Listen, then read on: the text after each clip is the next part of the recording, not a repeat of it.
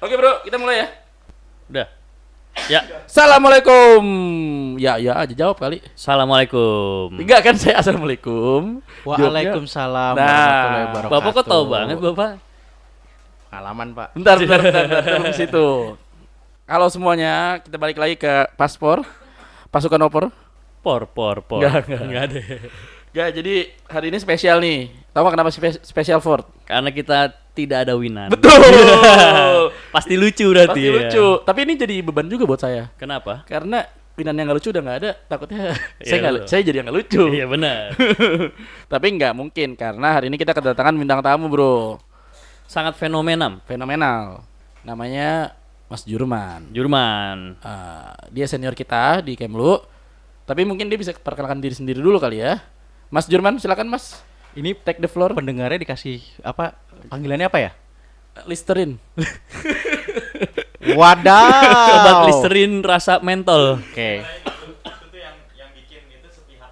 Iya, kalau menurut Winan Oh, nama pendengar Listerin. Kita sih nggak pernah namain, karena nggak ada yang dengerin juga. Karena Winan ya udah nggak usah ya. Yang dengerin namanya mahasiswi-mahasiswi cantik. Iya, itu target market kita. Sayangnya nggak nyampe-nyampe. Oke, selamat. Selamat apa ini? Petang ya. Selamat petang semuanya. Perkenalkan saya Jurman, em, seniornya Fadil dan Guilford di Kementerian Luar Negeri. Udah itu aja. Udah. Cukup. Udah cukup. Jadi kenapa ada hari ini ada Mas Jurman? Kan sebelumnya kita sempat ngomongin kita udah ngundang teman kita ngomong dia cerita tentang persiapan dia posting. Nah, kali ini kita datangin Mas Jurman yang udah pernah posting dan tempat postingnya seru banget. Di Jeddah Mas ya. Jeddah Jeddah. di Konsulat Jenderal Republik Indonesia di Jeddah. Uh, gimana mas? Ceritain lah mas, gimana gambarannya gitu. Pertama kali nyampe nih di Jeddah nih dari anak anak singkong nih kan mas kan dari dari kampung Cibaduyut. Mohon izin Pak. Pada saat ke Jeddah kami sudah profesional. Udah pengalaman udah banyak ya. Pengalaman udah banyak. Udah pernah ke luar negeri sebelumnya tuh, udah pernah naik pesawat sebelumnya ya. Wadaw. Pernah ke kutub kita mah. Ngapain? Be, ah? Main. Bapak- Emang situ orang susah. Bapak ke kutub apa di kutub? ke kutub, Pak. Pernah ketemu Sinterklas kan? Waduh. Waduh, ngapain? Ada balik juga. balik lagi ke Jeddah ya. Em, pertama kali mendarat di Jeddah, yang jelas em, sebelum berangkat sih sudah mengantisipasi karena Jeddah itu KJRI Jeddah itu merupakan perwakilan eh, citizen service. Citizen service ini maksudnya adalah perwakilan yang memang memiliki banyak sekali WNI yang berada di dalam wilayah kerjanya dan salah satu tugas utamanya adalah eh, mengurus para WNI yang berada eh, di negara setempat mendarat di Jeddah pasti yang kesan pertama udah pasti panas. Panas mas. Panas. Berarti bener ya. Bukan TV hanya itu bukan ya? hanya cuacanya panas, Pak. Hatinya, Pak. Hati pun ikut panas. Wah, kebakar ya rasanya. Tahu nggak kenapa? Imigrasi lama, Pak. Oh iya, gue Ya, belum pernah umroh sih. Eh, sebaiknya memang tobat dulu sebelum umroh daripada ada apa-apa nanti pada saat Iya, umroh, ya Bener. kan? Saya tahu dipanggil. Nah, Enggak. Saya mau sama ini biro hajinya dipanggil. Gilirannya Papa Fadil Oh, silakan. iya, iya, iya, iya, bener, Benar, bener, karena bener, tantangan pertama itu adalah eh, di imigrasi. Kalau selama ini banyak sekali eh, masyarakat Indonesia berasumsi bahwa Arab Saudi negara yang em, 100% penduduknya adalah beragama Islam, while Indonesia itu 80% Muslim, jadi harusnya mempunyai karakter yang mirip. Tapi ternyata memang karakternya berbeda. Selain masalah karakter yang saya pahami juga mungkin karena memang tugas imigrasi di sana itu kan menghadapi eh, berbagai macam karakter orang dari berbagai negara di seluruh dunia. Jadi petugas imigrasinya tuh kalau menurut saya pribadi tuh ya agak nyebelin karena lama, terus em, suka nggak penting ya dia nanya nggak penting apa segala macam. Kayak nanya, eh itu di puncak eh, gimana caranya kawin gitu ya? Nikah itu, siri, nikah siri. itu sesudah tiga bulan saya di Saudi baru ada yang nanya. Eh, tapi Karena ini kalau puncak tuh nggak bisa ditanyakan pada saat pertama pak. Oh Nggak gitu, boleh, iya. pelan-pelan dulu kan. Takutnya nggak punya jaringan. Nggak, cuman mungkin gini, kan mungkin yang denger ini biasanya taunya kalau misalnya penempatan itu di New York PBB atau misalnya di Jenewa ada PBB juga dan yang lain. Atau misalnya kayak Washington DC, London. Cuman mereka nih nggak tahu sebenarnya kayak Jeddah itu malah salah satu pos penting. Sebetulnya ya nggak salah juga sih karena siapa sih kalau pada saat uh, seseorang masuk Kemlu gitu ya pasti yang kepikiran adalah wah kayaknya seru ya ke New York seru ya ke Jenewa gitu seru kayaknya kalau bisa uh, masuk ke gedungnya PBB dan ikut uh, sidang bagaimana sih uh, pengambilan keputusan dilaksanakan namun demikian Indonesia sebagai negara yang memiliki banyak diaspora di luar negeri tentu juga tidak bisa uh, menafikan bahwa um, WNI kita itu merupakan prioritas sesuai dengan visi misinya Kementerian Luar Negeri bahwa salah satu uh, prioritas utama dari Kementerian uh, dari uh, politik luar negeri Indonesia adalah uh, WNI yang berada di luar negeri. Itu kenapa lantas Jeddah dan beberapa perwakilan lain yang diberikan predikat citizen service menjadi penting. Gitu. Berarti Ini- Mas di Jeddah tuh nanganin khusus WNI tuh selama tiga tahun ya Mas di situ Mas? Sebetulnya ada fungsi lain juga, bukan cuma masalah em, WNI, tetap ada fungsi ekonomi, ada fungsi eh, sosial budaya dan penerangan, tapi memang lebih berat kepada fungsi kekonsuleran yang urusannya tidak jauh dari WNI memang. Dari kalau saya boleh kasih gambaran tuh ya, kita ngurus WNI dari mulai lahir sampai ke pemakaman dan in between. Lama selama lu di sono nih Mas ya nanganin WNI nih yang paling berkesan nih cerita paling bizar yang pernah lu alami. Oh kalau menurut saya sih Bukan Oh Anda. bukan saya Bukan. Oh, maaf, maaf. Yang paling ber- berkesan sebenarnya banyak. Em, cuma pertama kali saya tiba di eh, Jeddah itu kebetulan sedang proses pemutihan. Jadi eh, pemerintah Arab Saudi punya program untuk memutihkan eh, warga negara asing yang tinggal suntik vitamin C secara semua tidak- gitu, Bukan, bukan. Jadi pakai sabun biar nggak pemutihan pak. Oh, Nah ini iya. kelihatan emang kalau nggak pernah. Nah, kalau kere emang susah, Iya, iya, ya kan? iya, iya. Bukan disuntik pak, Ngapain? diinfus. Oh, Ya. gitu jadi eh, sedang pemutihan di mana pemerintah Arab Saudi membebaskan para warga negara asing yang tinggal tanpa dokumen untuk bisa keluar Saudi tanpa harus membayar denda. Jadi kita waktu itu ada lumayan sih ada sekitar 13.000 ribu seingat saya yang eh, kita proses untuk pemutihan itu dan dipulangkan ke Indonesia. Nah di tengah-tengah itu kita menemukan berbagai macam eh, kasus menarik. Yang saya hadapi pertama itu adalah menangan eh, membantu em, anak bayi em, warga negara Indonesia yang ibunya em, sedang proses pemutihan, tapi ternyata kemudian diketahui bahwa anaknya itu menderita kelainan jantung. Hancur. Sementara bapaknya tidak berada di Saudi dan sudah dipulangkan ke Indonesia. Wah. Gitu. Itu itu itu adalah hal pertama yang yang menurut saya berat ya eh, saya hadapi. Gitu. Enggak, lu kayak ngerasa gini gak sih kayak anjing gua nggak kuat nih kayak gini-gini nih. Sebenarnya kuat hati gitu. bukan nggak kuat sih, tapi lebih eh, waktu di awal berangkat kan udah udah ini ya udah tahu eh, konsekuensi em, penempatan di Jeddah. Yang bukan nggak kuat, tapi lebih kepada ini kalau bisa nggak karena resikonya waktu itu adalah si anak ini keadaannya kritis. Kalau tidak segera ditangani ya probabilitas dia untuk meninggal dunia itu besar. Sementara pihak rumah sakit itu em, untuk proses lebih dia dibawa ke rumah sakit kecil dulu. Untuk proses lebih lanjutnya di rumah sakit yang lebih besar dan itu harus kita yang mengupayakan. Termasuk juga mencarikan donor darah karena ini anaknya umurnya baru setahun. Jadi masih perlu donor darah itu sekitar 10 dan itu harus kita yang mencarikan. Semen- waktu yang dikasih itu cuma dua minggu waktu itu. Untuk si anak ini bisa diproses eh, operasi. Itu sih lebih ke- bukan karena takut nggak bisa tapi lebih kepada punya beban moral bahwa kalau misalnya nggak berhasil terus ini anak sampai meninggal dunia ya kita juga bing kita nggak tahu ya nih mau gimana nih sama sama ibunya. Gitu. Ibunya sementara ibunya tuh udah berharap sekali karena dia sendirian berharap sekali dapat bantuan dari pihak eh, KJRI gitu long story short akhirnya kita berhasil dapat donor darah Em, kami berhasil mengupayakan dapat rumah sakit yang bisa melakukan operasi untuk anak tersebut gitu walaupun masanya belum selesai Waduh. karena masih ada biaya yang harus Oh, dibebankan Itu gimana akhirnya mas? Nah, jadi em, dari awal semenjak kita tahu kasus itu kita sudah mulai memikirkan bagaimana ya sebaiknya nih karena biayanya pasti nggak murah. Em, kita mulai pendekatan tuh ke ke pihak rumah sakit eh, gimana caranya supaya kita bisa dapat keringanan biaya.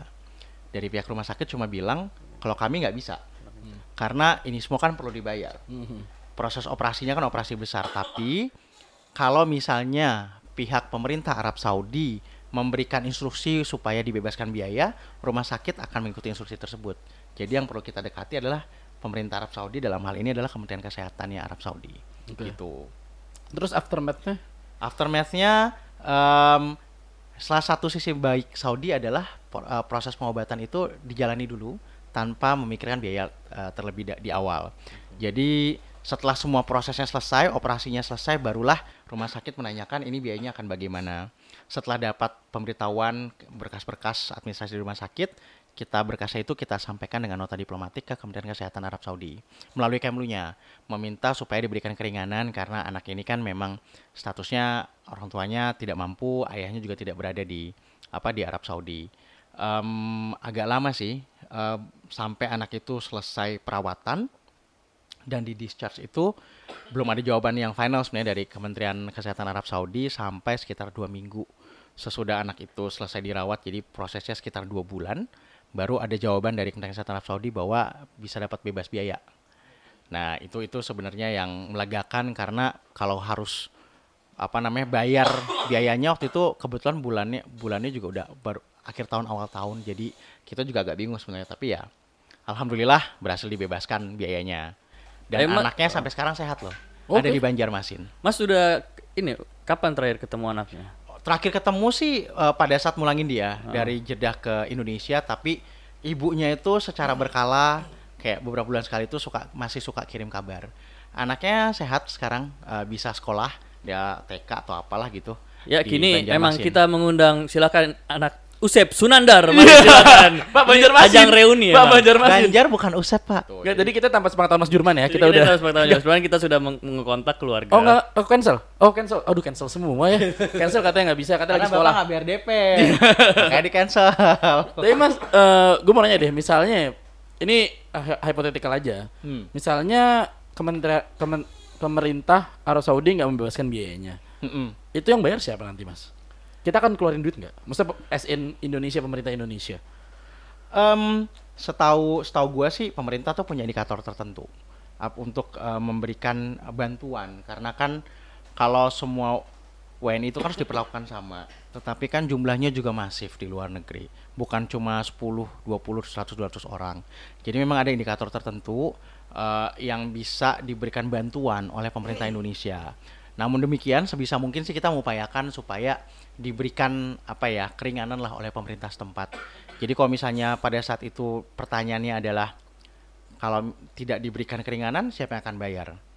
Ya anaknya udah dioperasi pak, pasti harus dibayar. Gitu. Di sana nggak pakai BPJS soalnya. Iya. Karena makanya Gitu. alhamdulillah.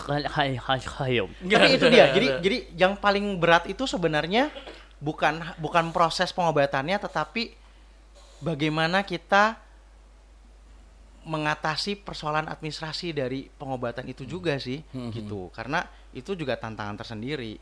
Kan WNI sakit, WNI sakit di, di di Arab Saudi itu juga banyak, gitu. Kalau semuanya harus kita bayarin, ya bukannya nggak mau, tetapi kita juga nggak bisa memperkirakan kira-kira biaya yang harus disediakan setahun tuh berapa, Bener. gitu. Tapi ini eh, dari yang Mas ceritain ya, gue ada satu pertanyaan kritis sih. Kalau udah kritis biasanya dibacain aja pak. Iya, Nah, nggak dibantuin biaya nih, Iya. dibantuin biaya juga. Dibacain aja pak. Nah, enggak, maksudnya enggak kritis-kritis amat sih sebenarnya. Cuman kan kayak misalnya gue lihat di berita-berita gitu misalnya kayak wah dibantu nih eh, ada WNI yang karena kasus hukum atau misalnya kayak WNI sakit sampai apa akhirnya dibantu pemerintah gitu. Itu sebenarnya adil nggak sih Mas perlakuan di- diberikan pemerintah kepada warga negara Indonesia yang luar negeri sama warga negara Indonesia yang dalam negeri? Em, kalau udah bicara perlindungan kita nggak bisa bilang adil atau enggak ya karena kasuistis gitu kan. Em, permasalahan WNI di luar negeri itu ya menjadi tanggung jawab pemerintah.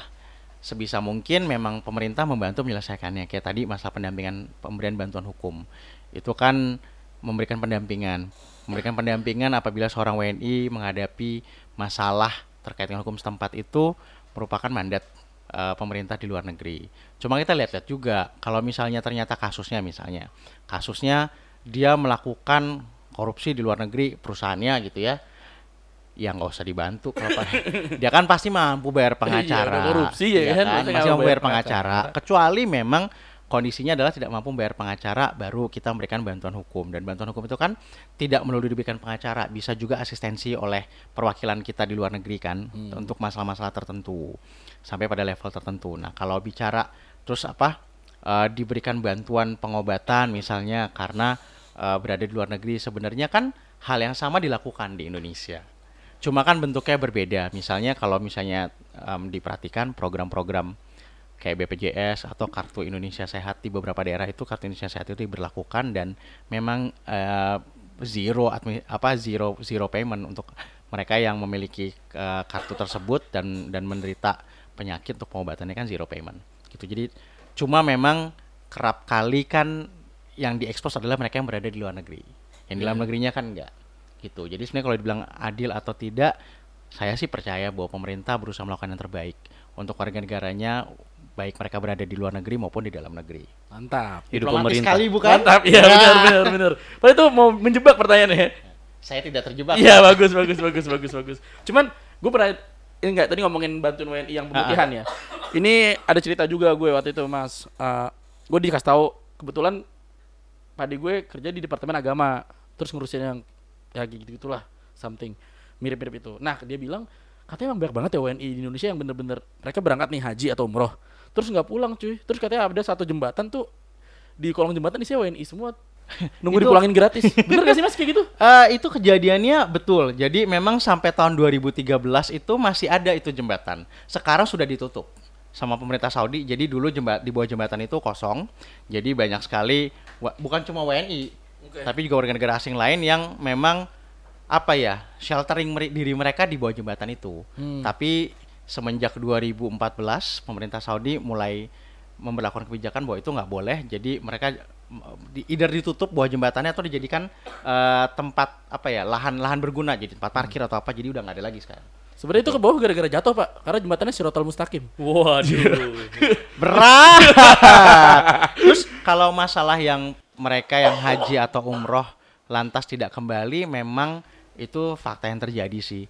Eh, faktornya macam-macam. Cuma memang dari dari selama saya berada di sana dan dan ngobrol sama banyak WNI ya, em, kalau kita perhatikan em, komunitas WNI di Arab Saudi itu itu banyak sekali dari kantong-kantong tertentu yang memang em, majority eh, daerahnya adalah Muslim dari Oke. Madura, dari Banjar, em, dari Lombok gitu. Jadi memang ada pooling factor yang sangat luar biasa yang menjadi em, penyebab mereka datang ke Arab Saudi yaitu em, ya pastinya kalau orang Islam pengen haji atau umroh ya Mhm. lihat Ka'bah dan ke makam baginda Rasul itu merupakan pooling factor yang sangat luar biasa sebenarnya yang menjadikan sulit mencegah mereka untuk em, datang ke Arab Saudi. Em, selain itu sebagian masyarakat kita juga berpendapat bahwa kalau misalnya ditanya di mana sih mau meninggalnya, ya mereka berpikir mau meninggal Oh. di Mekah itu lebih baik lah dibandingkan di Indonesia. Jadi Bisa memang langsung betul. ke surga ya tuh ya. Kalau jalan pintas saya nggak tahu Pak, belum pernah. Mau mau, mau coba? Nah, duluan aja Pak, nggak apa-apa. Enggak ya jangan-jangan Gitu. ada lagi orang-orang yang sengaja kayak gue mau berangkat haji tapi gue mau mati di sana gitu. Ada aja kali. Ada. Jadi Oh, em, ada sebagian dari gini, sebagian dari mereka memanfaatkan eh, waktu hajinya untuk lantas tinggal di Mekah dan eh, Madinah. A- ada yang memang motivasinya adalah bekerja, ada yang motivasinya mau belajar. Jadi kan banyak syekh-syekh yang eh, terkenal di sana. Mereka mau jadi muridnya. Ada Syekh Puji kalau nggak salah. itu. Syekh bukan. Syekh Beda. Puji di Solo, Pak. Beda. Nah, bukan di Mekah. Nah, itu Adanya jadi- Habib Rizik. Ya, Nggak ada, bener betul. ada, Itu bener betul, ada, di kan? Mekah, betul, ada di Mekah. Kalau Bapak mau ketemu saya tahu alamatnya. Bisa japri. gitu. Jadi, gitu. Jadi memang memang banyak. Memang banyak mereka yang memanfaatkan visa haji dan umroh eh, untuk kemudian tidak kembali eh, ke tanah air dengan berbagai macam alasan. Gitu. Itu berarti banyak banget overstay di sana WNI overstay. Dan itu lu urusin semua. Banyak Pak, kalau ditanya berapa jumlahnya, namanya juga overstay Pak, undocumented. Jadi kita nggak pernah tahu jumlahnya berapa. Yang jelas, em, kesimpulan yang saya tarik tiga setengah tahun berada di Jeddah adalah kalau ada WNI datang ke KJRI meminta pertolongan karena KJRI adalah last resortnya mereka.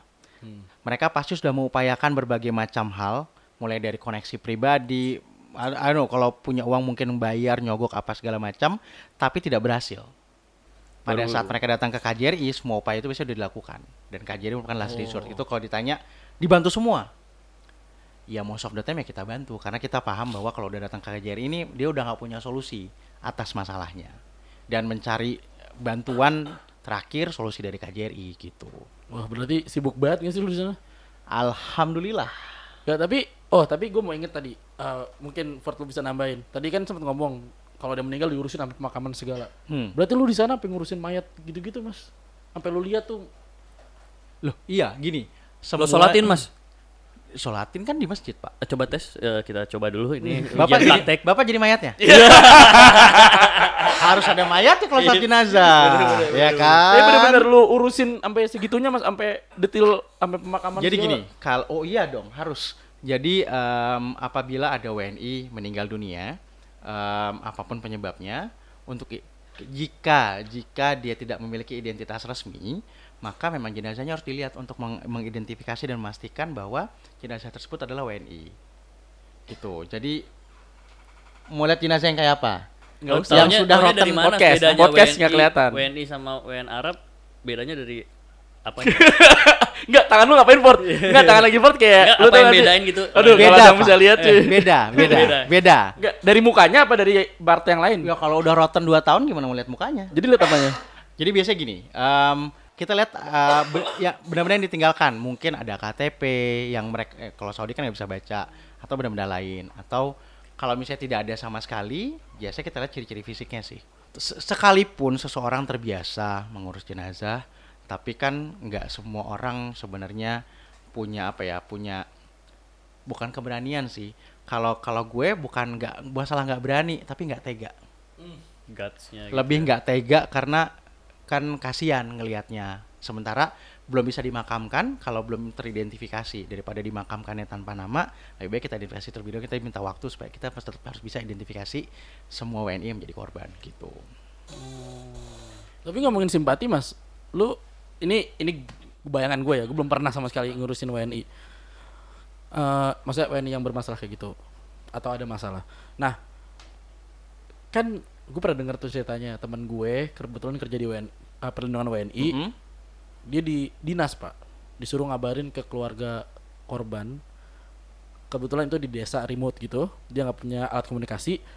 Dia datang sana hanya untuk mengabarkan anaknya meninggal misalnya itu kan kayak hati ternyuhnya maksudnya tugas lu berat banget gitu lalu gimana mas ngelakuin tugas secara profesional tapi lu sendiri kayak anjing ternyuh banget gitu misalnya kayak gak kuat nih gue bisa nangis nih kalau masalah-masalah kayak gini sebenarnya pada dasarnya ya learning by experience lo jadi terlatih sih.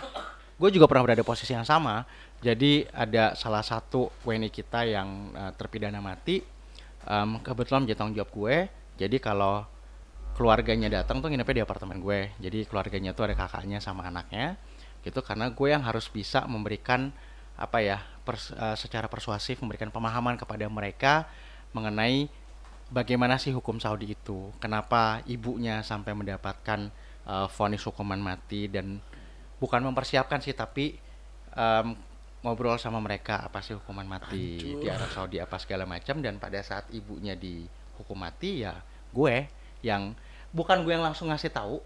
Waktu itu teman dari di perlindungan tapi karena mereka tahu anaknya dekat sama gue so handphonenya jadi pada saat di telepon ke dia gue di kayak eh, conference call ya. Jadi gue yang mesti ngomong sama si anak ini untuk ngasih tahu eh, dia begitu dengar gue nama gue sih langsung yang langsung nangis gitu kan pak kenapa pak ibu? gitu segala macem.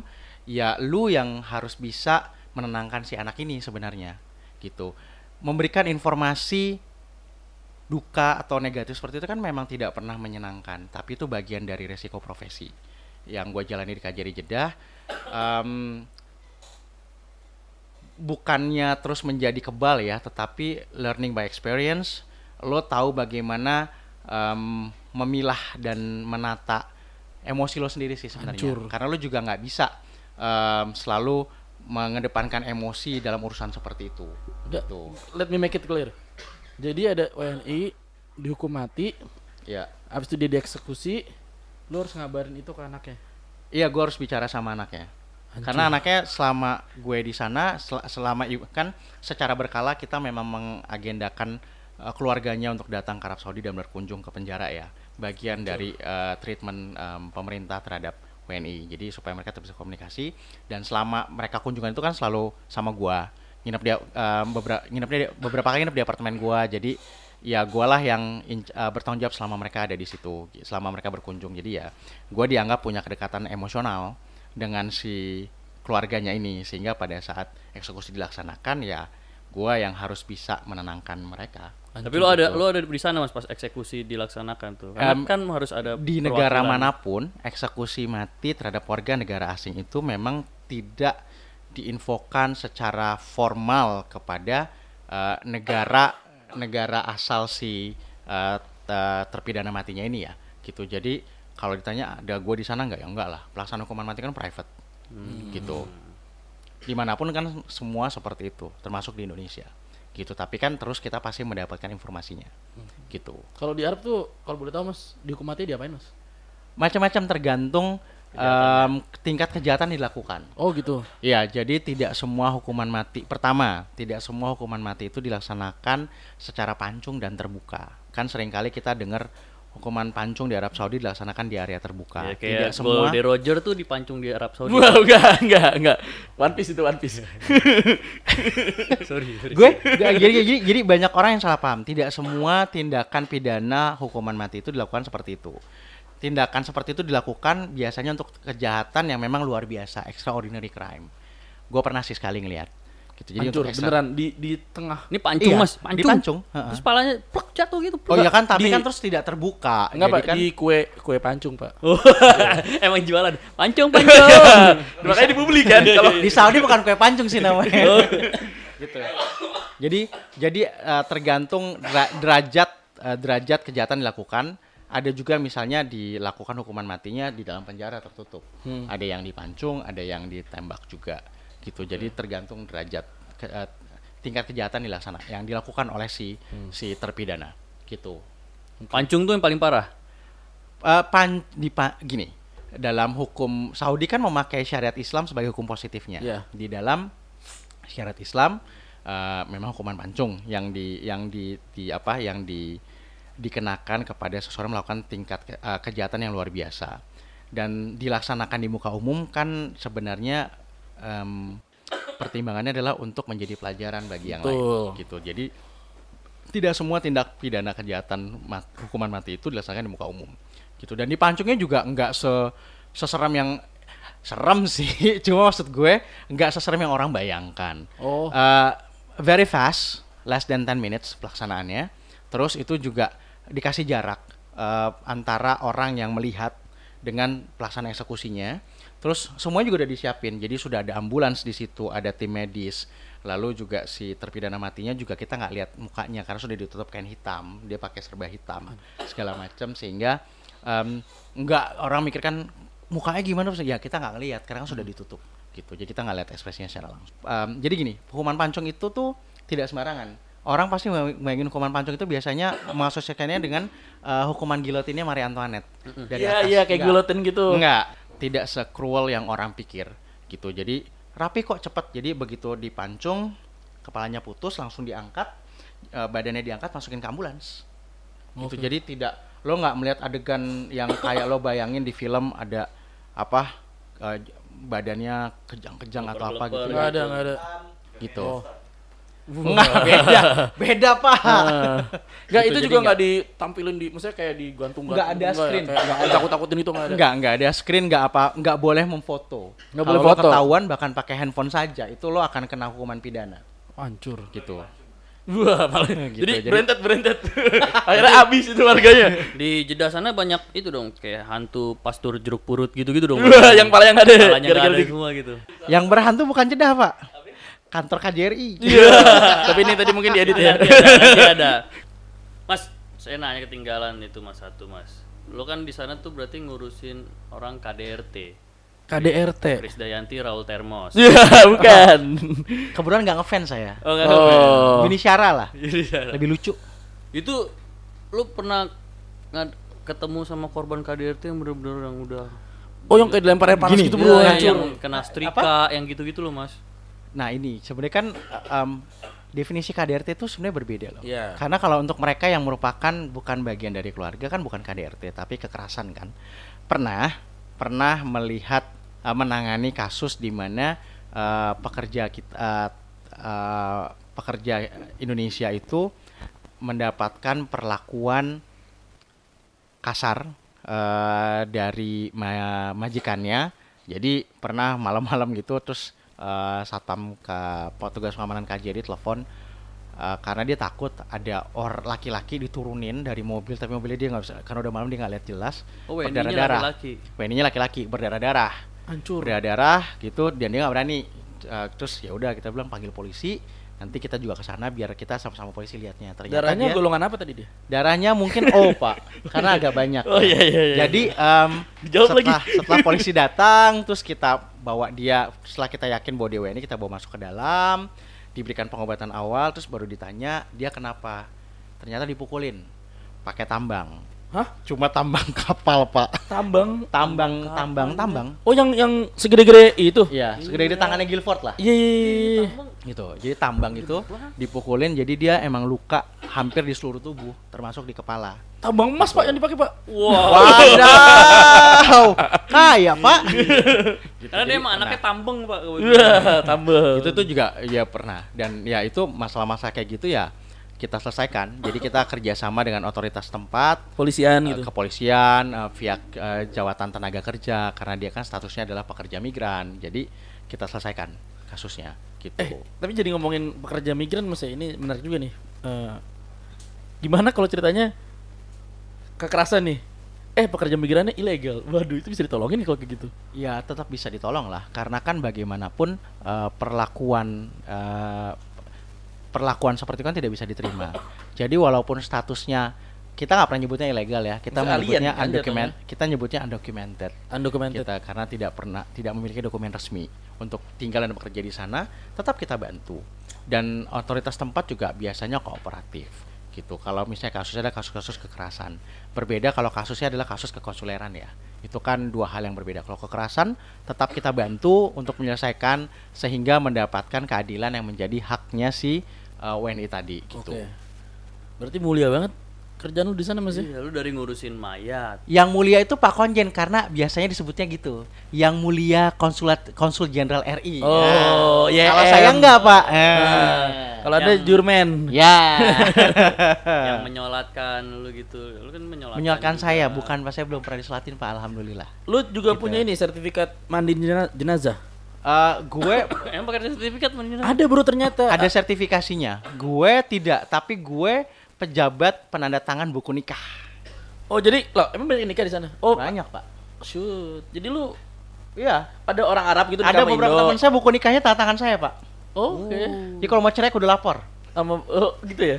Enggak sih. Ya udah cerai semua, Mas, Beberapa teman beberapa teman gue itu eh, ngajuin ngajuin eh, ngajuin izin menikah di Arab Saudi Hmm. tanpa tahu bahwa gue ada di situ. Jadi gue pas lihat wah, tem- ada beberapa yang gue kerjain. Oke. Bilang sama travelnya nggak bisa. Gue mau orangnya menghadap karena gue mau klarifikasi sesuatu sama mereka gitu. Jadi ada orang yang gue kerja gitu sampai pengantin harus datang dulu baru gue setujuin gitu kan. Jadi beberapa teman gue tuh buku nikahnya tantangan gue. Kenapa temen lu mau nikah di Arab? sebagian orang berasumsi beranggapan bahwa menikah di di Masjidil Haram itu barokahnya Oh. lebih besar tapi tapi semenjak semenjak awal tahun ini atau akhir tahun lalu ya sudah tidak lagi diizinkan untuk menikah di kawasan Masjidil Haram di Mekah Oke. oleh pemerintah Arab Saudi. Jadi kalau mau menikah di Arab Saudi ya sekarang nggak boleh di Masjidil Haram.